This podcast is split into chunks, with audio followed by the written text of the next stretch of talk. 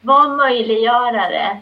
Släpp fram idéerna, släpp fram människor som vill. Låt dem dra och häng på. Gör det. Då kommer vi få framgång i Sverige. Det här var Susanne Wallner, en av de drivande bakom världens första solcellsdrivna tankstation med vätgas i Mariestad. Hon får sätta tonen till det här avsnittet som handlar om vätgas, men lika mycket om mod, att våga och den viktiga samverkan i arbetet för en grön omställning.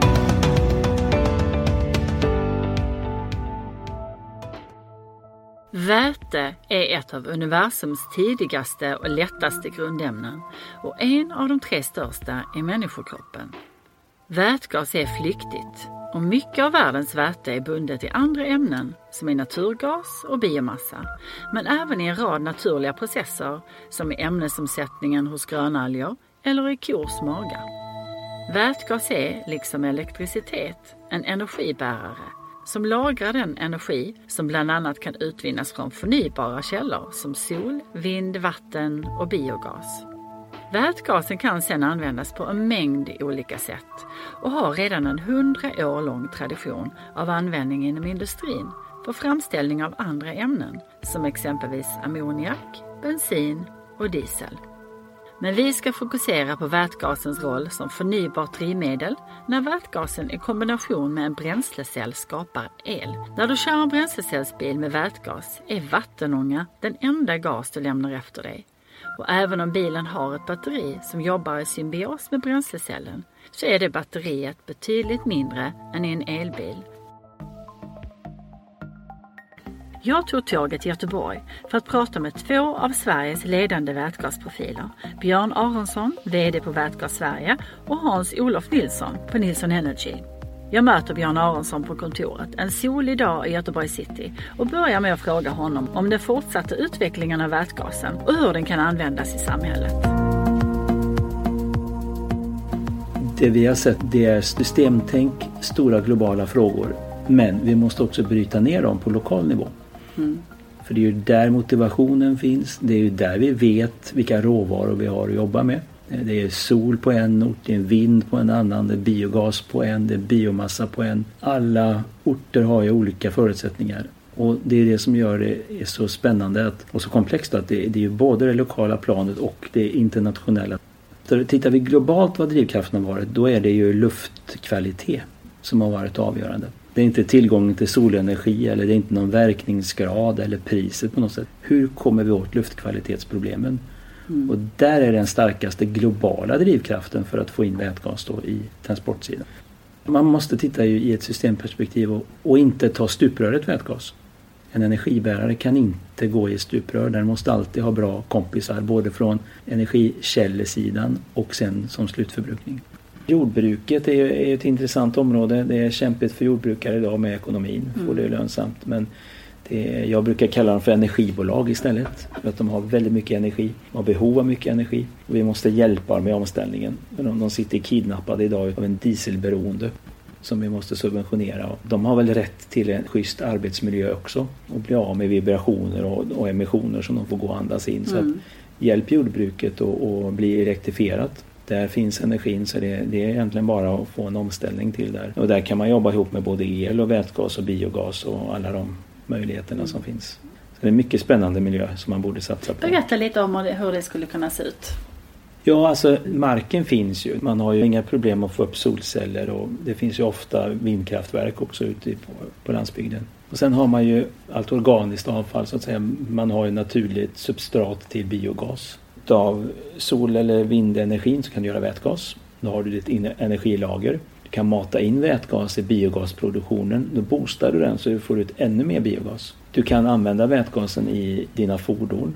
Traktorn till exempel kan gå på biogas eller den kan gå på vätgas. Går den på vätgas och har en bränslecell, då har du en elmotor då när du får ett strömavbrott och du har eh, mjölkmaskinen måste vara igång eller ventilationen för, eh, för dina kycklingar till exempel. Det är två sådana här väldigt tidskritiska processer på mm. jordbruket. Mm. Du pluggar in din traktor. Den kan stå inne i garaget för det är inga emissioner som är skadliga.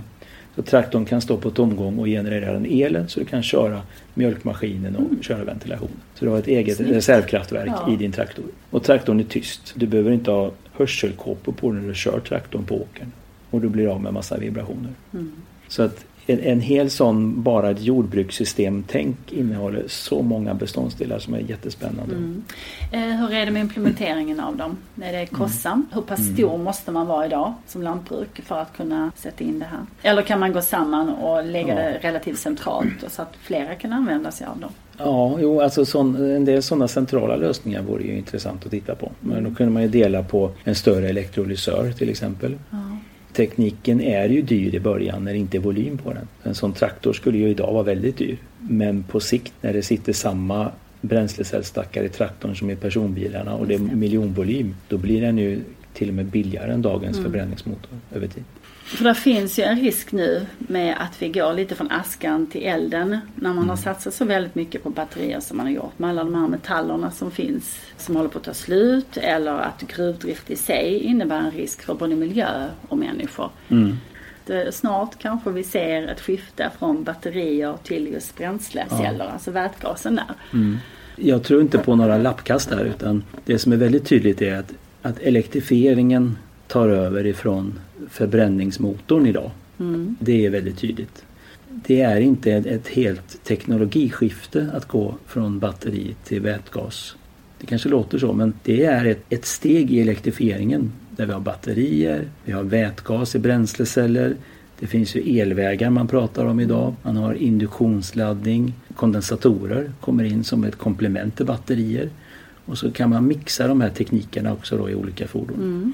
Så att det är för mig då normala steg i en utvecklingstrappa där man går mot en elektrifiering. Men det man ser då det är att marknaden måste ju ställa krav på alla de här lösningarna. De måste ju vara hållbara. Så vi inte går in, tror att vi går in i något hållbart mm. där det inte är det. Utan här måste man vara väldigt tydlig och ställa krav. Och det gäller alla teknikerna. Vissa pratar om att det tar 30 år att ställa om den europeiska personbilsflottan till batterier. Och den tiden har vi inte. Utan det måste ju ske snabbare. Ja men vad kan vi göra då? Om det tar så lång tid på personbilssidan Sen kommer ju bussar och lastbilar och andra fordon också vilja ha batterier och då konkurrerar man ju också om de batterierna där till personbilar. Så att, men om man nu skalar ner storleken på batterier om vi nu tar en, en sån, de största batterielbilarna har ju idag eh, väldigt stora batterier. Eh, man skulle kunna dela upp de stora batterierna så att de räcker till 60 bilar till exempel. Mm. Och då får vi en palett med både batterier, bränslecellsfordon på vätgas och så får man ut mycket, mycket fler elfordon mm. om man nu kan dimensionera det på ett smart sätt. Sen tycker jag det här med säkerhet ska vi alltid adressera för att nya tekniker och gas är man lite rädd för. Och många tänker när man pratar om vätgas så tänker man ju på Hindenburg. Ja, för all energi är ju farlig om, om vi gör fel. Men med kunskapen hur vi ska hantera energi så kan vi ju göra det rätt. Och är inte vätgas farligare än ett batteri eller någon annan gas eller bensin och diesel. Eh, det är tvärtom. Man behöver veta hur man ska hantera det. Och just Hindenburg, där, där, finns det ju en bra dokumentär på Discovery Channel som beskriver det här. Det är ju en rad olyckliga omständigheter. Men de kommer in rejält för sent till mottagandet, det här eventet som skulle ske då. Och kaptenen blir lite stressad och, och tar ett felaktigt beslut och girar lite för snabbt. Och det är extremt hög spänning i luften då. Det, det är ett mm. åskväder som är där. Ja. Mm. Så att åskan slår ju ner. Och så är det en ytbeläggning då på själva ballongen där som är ogynnsam så att det börjar brinna. Men vätgasen den brann ju upp jättesnabbt. Mm. Så det som brinner och som man ser då, det är ju diesel som man hade med sig. Mm. För, att driva andra delar då, mm. i korgen där. Och det ser man också på röken att det är en mörk rök och då, då är det ett fossilt drivmedel som brinner. Man använder ju den typen av farkoster idag för att göra forskning i, i djunglerna till exempel. Mm. Så att det, Som zeppelinare? Ja visst, de flyger omkring då för att det, det går inte att komma fram på marken utan man mm. måste föra in utrustning uppifrån då. Mm. Så, att, så den landar inte utan den svävar och så, så släpper den ner det som behövs? Mm. Mm. Jag tänker på vätgas, är det inte det som man, man kallar för knallpulver? Som man... Knallgas. Knallgas. Ja, knallgas. knallgas i kemin ja. Just det, mm. precis. Där man kan se just att det blir snabba ja. puffar ja. Eh, och sen att det inte det försvinner fort, det är flyktigt i luften igen. Ja, och mm. inte så energirikt där. Och det var ju därför man vågar låta barnen göra det på kemin. Mm. Men man vågar låta oss göra knallgas och smälla då. Men eh, vi fick inte ta bensinångor och tända på. Mm. Det är en bra relation ja. att tänka på att eh, den är mycket farligare. Har inte pratat så mycket om vätgas i Sverige. Utan det har varit mycket med el och det har varit biogas och lite av de andra biodrivmedlen. Det börjar hända lite nu. Men hur står sig Sverige om man ser på utvecklingen ute i världen? Mm. Vilka länder är det som går före? Det finns ju ett 30-tal länder som går före. Och Japan är väl det landet som har tagit vätgasflaggan starkast kan man säga. Och det har bildats en stor gruppering som heter Hydrogen Council. Där finner vi stora bolag som är inom rederinäringen och inom flyget och på drivmedel och fordon. Och Microsoft till exempel har klivit in där nu för att titta på energilagringen runt serverhallar och så vidare. Just det. Vi ligger i en andra prioritetsgrupp kan vi säga i Europa. I Europa finns det några länder som är föregångare som placeras i en grupp 1 och som driver på området. Sverige har varit lite följare. Så vi ligger i grupp 2 och i grupp 3 finns de som inte har satsat så mycket då. Kanske inte har ekonomi heller för att satsa på det. Däremot har vi några företag som sticker ut som är mycket väl ansedda globalt. Skulle man göra en sån gruppering i, i världsklasskompetens så har vi några riktiga guldägg som, som har förstått och gör väldigt bra saker. Och vi har en potential att få fram ytterligare fler. Mm. Om vi nu gör rätt satsningar då. Allt ifrån politisk nivå på forskningssidan och, och att göra en sån resa som Powercell och, och Nilsson Energy har, har påbörjat. Mm. Där man demonstrerar tekniken och faktiskt börjar att få ut den i samhället. Mm. Mm. Hur skulle man kunna förbättra det här då från politiskt håll? Mm. Ja, för det första måste man ju vara intresserad. Vi har haft väldigt stort intresse från lokala regionala politiker. Men i princip inget intresse från nationella politiker. Så har det varit fram tills för eh, ja, ett år sedan ungefär. Det här, under det här året så har det skett ett trendbrott. Framförallt i den nationella politiken där man har börjat bli intresserad, hör av sig, vill utbilda sig och vill driva frågor på ett annat sätt. Det har vi inte sett tidigare. Eh, så att vi, vi, har, vi har tappat tio år faktiskt här nu med värdefull forskning som vi borde ha haft för att positionera oss globalt. Ja, för det, det kan också handla om, om eh, att de inte riktigt förstår vad det är ni pratar om. Mm. Att man skaffar sig ny kompetens helt enkelt så man hänger med i marknaden. Ja, men så är det. Det är ju en stor kompetensbrist och det är därför man hör av sig och vill lära sig nu. Eh, men då kommer man ju till en grundfråga, vem är skyldig att kompetensutveckla sig? Mm. Har man ett eget ansvar för det eller är det marknaden som är ansvarig? Och, och det, det gäller väl alla på alla positioner i samhället liksom, oavsett var man är. Eh, och hade vi haft sånt driv så hade vi haft en annan position idag. Mm. Men det är väl lite som du sa där, eh, pratade om tidigare med stuprör. Man har hoppat ner i olika rör och fokuserat mm. ganska enögt på mm. en viss teknik eller ett mm. visst drivmedel till exempel om vi pratar om den branschen. Och sen släpper man det. Mm. Och där kan ju utvecklingen ha kommit en bra bit på väg. Och sen får inte den fortsätta utvecklas. Och sen Nej. plötsligt så tar man med det därifrån och hoppar ner i nästa stuprör. Ja, ja. Och att det även har drabbat vätgasen då. Ja, det har ju drabbat många områden. Inte minst vindkraften har ju gått mm. i en sån resa med när det går upp och ner med satsningar. Och jag tycker jag ser det på många områden. En del biodrivmedel har också haft eh, no. sådana toppar och dalar. Så det behövs ju en, en uthållighet i att stödja goda alternativ och inte släppa det för tidigt utan, utan fortsätta ge stöd för det som vi ska satsa på. Vi behöver ju kunna balansera det. Alltså, vissa personer behöver ju jobba i stuprör. Alltså om man tittar på forskning och så vidare mm. så måste man ju smalna av det så det inte blir för brett. Men vi måste också ha de som jobbar i ett systemperspektiv mm. och jobbar horisontellt igenom eh, för att se synergier. Eh, och där, där sitter ju oftast svaren på många mm. utav de här frågorna som vi säger att vi inte, inte ser att det är lönsamt eller inte möjligt att få ut en teknik. Nej, men hade vi tittat lite bredare så hade vi kanske sett en lösning. Man mm. går mer på tvären där. Ja. Man öppnar upp dörrarna och att man ja. har lite brainstormingsmöten ibland ja. som kan frigöra nya sätt att jobba med och lösningar och så. Nu pratar vi om organisationsutveckling. Det är, det är egentligen alla stora organisationers stora problem. Just det med internkommunikation mm. och man kan få korsbefruktning på kompetens. Det, det, spelar ingen roll om det är offentligt eller i det privata så har man samma problem. Hur skapar man de kreativa lösningarna, de kreativa rummen då? Mm. Eh, och det ser vi att det är oftast de små bolagen som har, som har den kreativiteten och kan vara så snabbfotade och, och de tvingas också att jobba utanför boxen för att överleva. Det gör en annan kreativ eh, miljö helt enkelt. Sen tror jag mycket på att varför inte låta de här två stötta varandra? För det stora företaget behöver den kreativiteten. Man ska inte plocka in dem och kväva dem mm. i den stora organisationens eh, krav på nyckeltal och headcount. Men man behöver dem för att få idéerna. Ja. Och de små de överlever inte om inte de kan få ett stöd som de stora sitter på. Så att hittar man den synergin så tror jag att man skulle kunna ta ett rejält steg i Mm. Smarta lösningar. För jag upplever att det är mycket, mycket prat både inom kommun och inom företag och så på att man ska tänka utanför boxen och här är det högt i tak och här är det kreativt och här har vi hängmattor och, och så vidare. Mm. Men att man faller på någonting. Att man pratar så mycket men att det faktiskt inte händer riktigt. Alltså hinder som prestige kanske eller eh, bekvämlighet. Väldigt mänskliga faktorer eller egenskaper som man måste öppna upp och titta på för att man ska våga. Saknas verkstad. Det kommer ju alltid nya buzzwords varje år och som alla ska använda. Men, eh, men få förstår väl de- definitionen av det och och vad det egentligen behövs då. Och vi hör ofta att vi ska vara världsledande på vissa saker men vi inser inte hur, hur hårt arbete det är för att komma till en sån toppnivå om det nu är globalt. Men det måste man ju inte göra allt, alla misstag själv heller utan om man då jobbar ihop och smart. Eh, Kapitalet finns, det vet vi. Vi knackar på dörren och vill investera men vad ska de investera i? Eh, Och då behöver vi få till den här tankesmedjan eller den här, den här miljön som, som frodar spännande lösningar.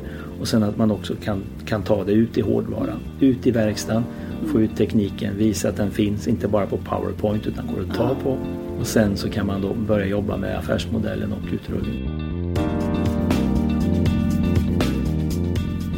En av dem som har gjort verkstad av något som många menade var omöjligt är Hans-Olof Nilsson, en av Sveriges första vätgaspionjärer.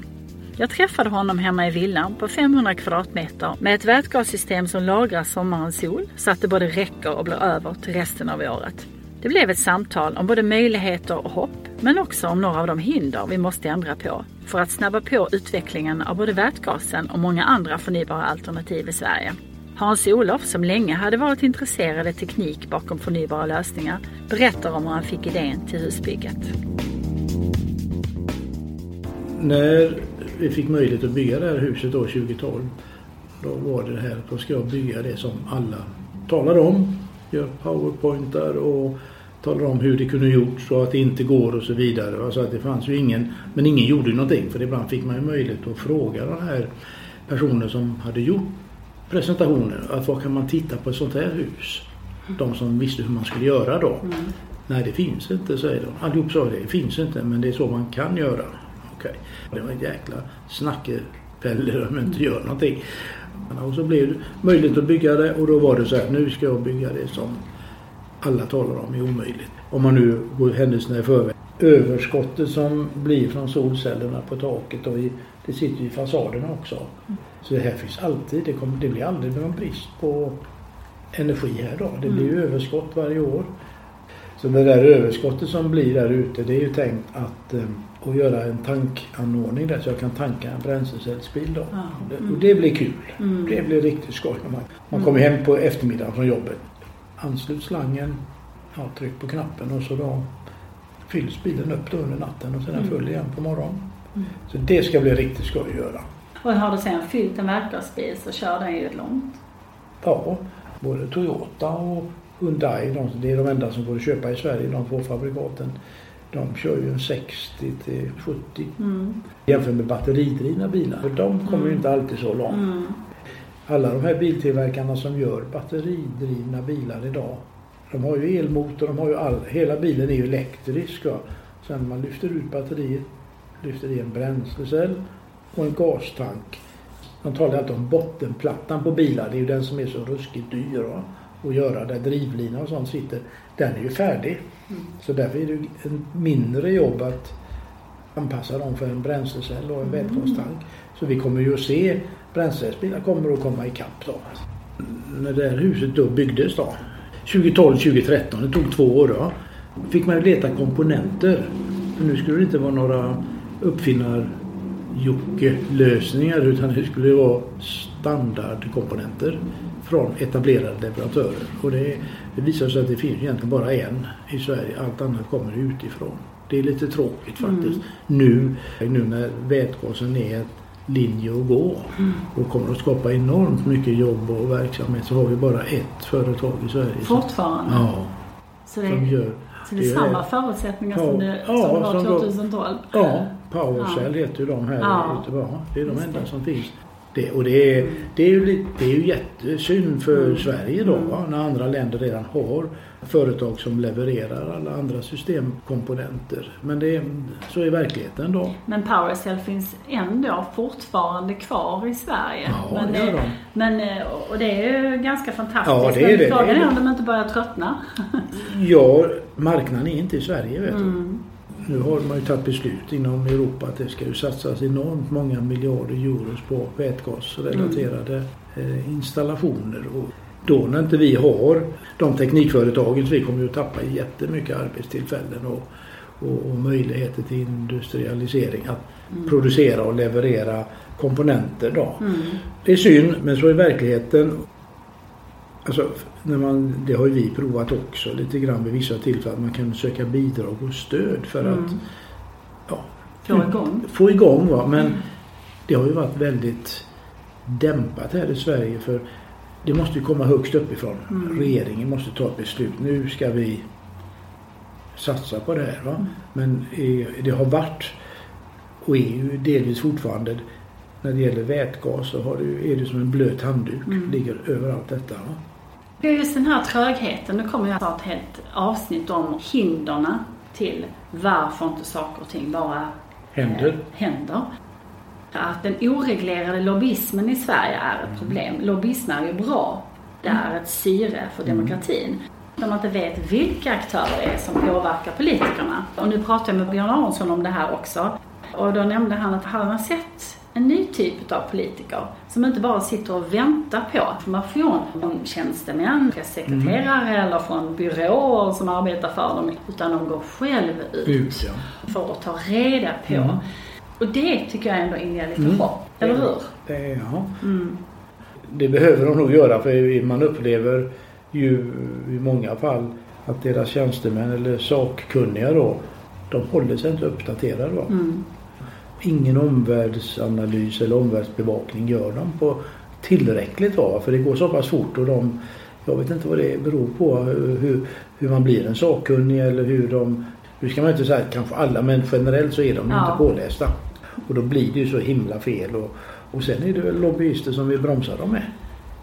Och, Så är det ju. Precis, och det är det, när man inte transparensen finns, vem det är som påverkar politiker och hur de här nätverken ser ut, så vet man ju inte vem det är man blir påverkad av som politiker. Om man inte har integritet Mm. eller är uppriktigt, alltså nyfikenheten, Mm. det är ju en, en motor. Att man vill, man vill gå efter det som är så sant och riktigt som det nu kan Går att bli. Ja, går att bli. Mm.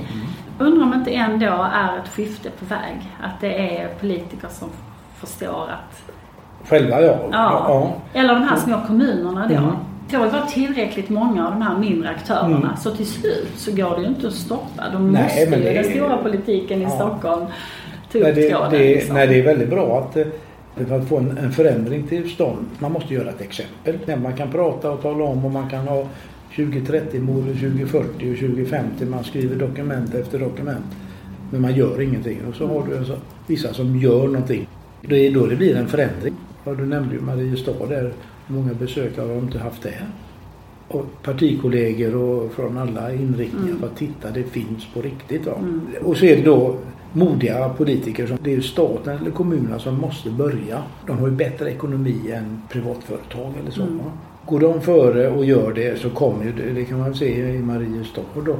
De börjar med att köpa sina bilar då för hemvård och andra sådana samhällstjänster. Börjar ju företagen där också i Mariestad att skaffa eh, bränslecellsbilar då. Det är det jag menar nu då. Ja. Sen de ställde upp sin tankstation där. Så att det är så. Kommunerna ska gå i täten och sen kommer eh, det privata efteråt. Mm. Så att, eh, men ändå, det skulle, vi hade kunnat vara mycket längre fram om vi hade haft om det hade kommit från högre nivå som jag sa tidigare. Då. Men där är, man skyddar det man har. Då. Mm. I Sverige har vi vattenkraft och kärnkraft. Det är ingenting annat. Mm. Vi har raffinaderier för bensin och Ja, diesel som ja. kör vår, vårt, Men jag tycker det var väldigt bra eh, just nu när Prim då Mm. tog beslut att vi bygger inte den här stora anläggningen i Lysekil. Mm. Det är nog en bra signal på att även de fossilbolagen börjar att tänka annorlunda. Ja. Jag kan tycka att det nästan är overkligt att det ens var uppe på Ja. som en diskussion. Och de, de tänkte nog till protesterna hade säkerligen en del en inverkan på det. Va?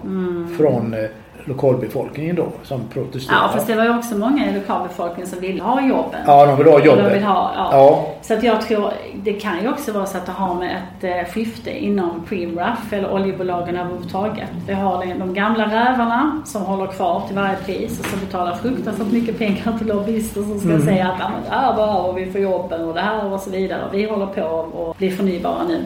Men sen har man de som vill göra det på riktigt. Mm. Som känner att nej, nu är det dags Ja, att gå den vidare. yngre, yngre generationen som Ja, kommer in. att det då. finns slitningar där. Ja, och att det vara den, den sidan som vann som vill gå mot ett förnybart samhälle.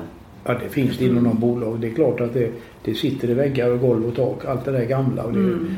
Bekvämlighet igen kanske. Ja, man vill inte förä- Mm. förändring är jobbigt Mm. tycker de. Va? Det är Ja. så bra att ha det som det varit hela tiden.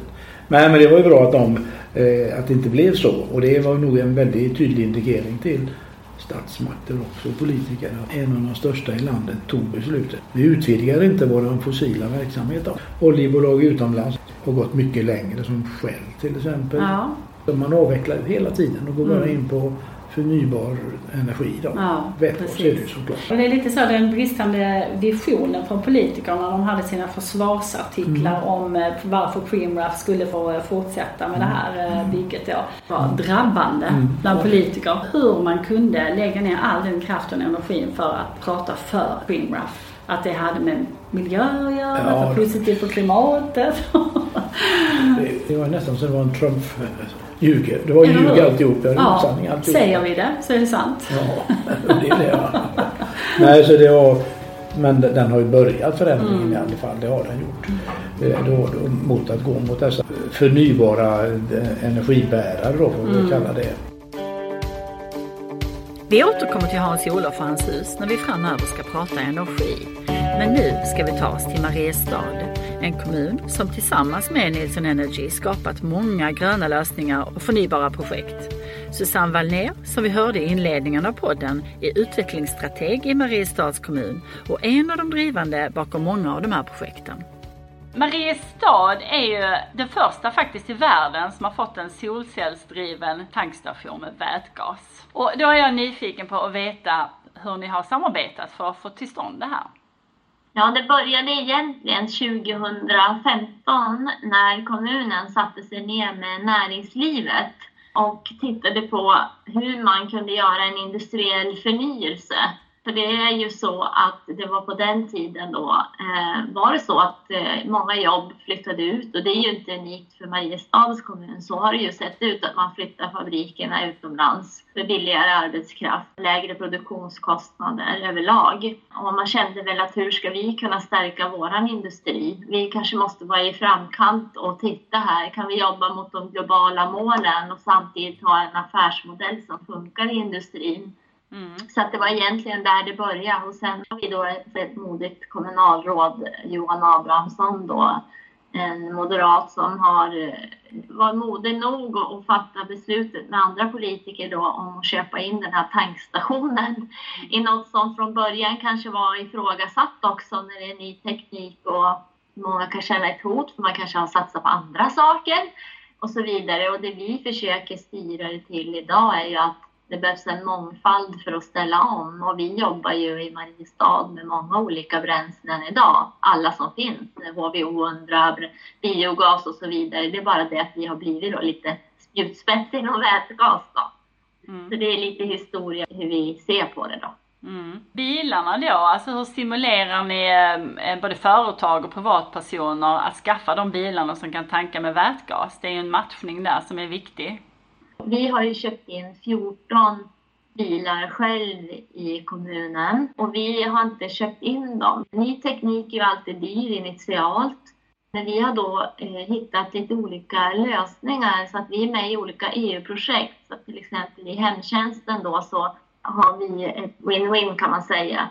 Där man från den här EU-delen då kan eh, skugga oss kan man säga då, och läsa av hur funkar de här körningarna och så vidare. Och det gör att våra leasingkostnader kommer ner då. Eh, Och det är det enda sättet för oss. Eh, Vi får ju ibland ifrågasättande från skattebetalare som undrar hur kan ni köpa in de där dyra bilarna? Men det har vi inte gjort utan vi försöker få ner det och hitta sådana lösningar då istället. Mm. Men vi ser ju också att om vi då skalar upp det här, vilket jag sitter och tittar på, så, så småningom så ser vi att i en 50-100 bilar så börjar det bli en riktigt bra ekonomi eftersom vi också kan tanka på vår egen tankstation så att säga. Och själva driften av den här eh, solcellsstationen, hur, eh, vad är kostnaden för den? I nuläget sitter vi och tittar på den här lösningen och man kan väl säga så här, hade jag varit företagare och köpt in en sån här tankstation och bara sålt vätgas och syrgas, då har jag ju räknat hem den ganska snabbt. Nu är vi ju offentliga och vi har ju börjat titta på det här stegvis och göra beräkningar vad som är bäst för att du kan ju både sälja vätgasen och syrgasen så att det kan nog bli en rätt bra affärsmodell i det här så småningom när vi räknar fram det då. Så att säga. Men man behöver titta på hela cirkulära systemet. Mm. Och vad är det man säljer syrgasen? Vad används den till? Syrgasen används i mycket industri, sjukvård, annat. Jag brukar ju ta ett exempel som jag tycker är väldigt spännande och som jag själv inte har kommit riktigt fram hela vägen än hos oss då. Och det är för att vi har väldigt mycket olika projekt och vi har inte kommit dit bara, men vi jobbar på det och pratar med lite olika bönder och försöker hitta lite olika lösningar nu. Det är ju att man skulle egentligen kunna ha en solcellspark på sin laggård ha en traktor som går på vätgas och skicka in syret in till exempel en, ett mikrobryggeri på gården. Syrgas, väldigt mycket syrgas åt öltillverkning.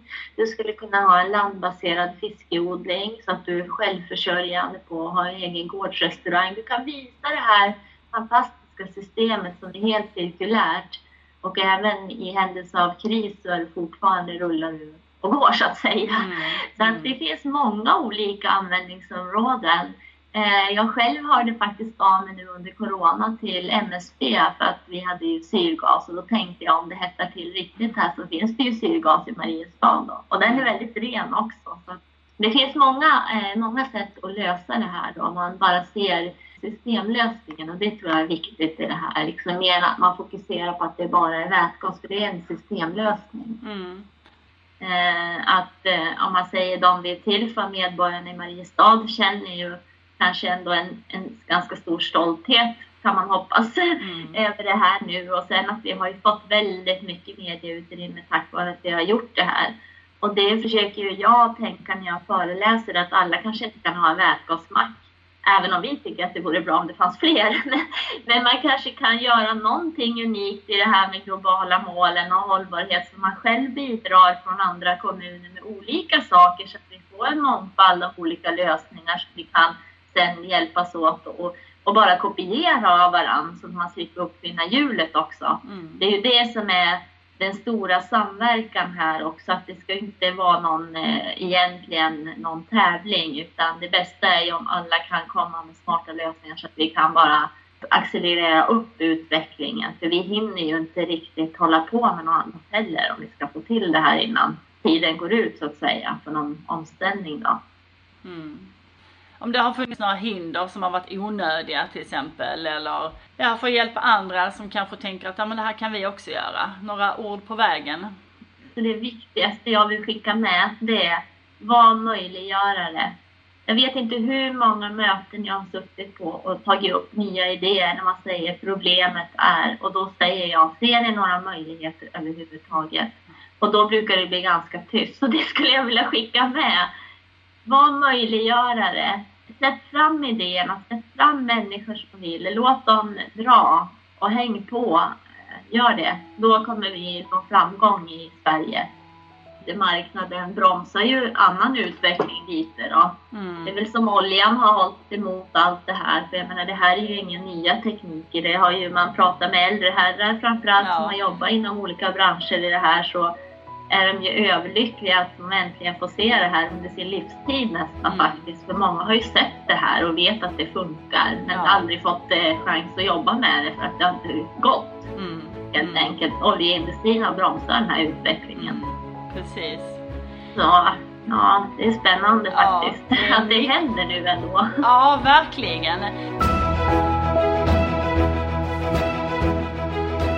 En summering av samtalen om vätgas är bland annat att vi behöver skapa utrymme för fler visionärer och mer verkstad för att hålla igång energi, företagsamhet och resultat. Mer testbäddar ute i samhället för att prova och utveckla nya lösningar och som Susanne Wallner betonar, det är ingen tävling. Vi sparar tid och pengar om vi istället samverkar. I nästa avsnitt, som blir det tredje och sista i serien om biodrivmedel, ska vi undersöka hur vi kan öka vår inhemska produktion av förnybara bränslen genom att titta på två stora outnyttjade resurser.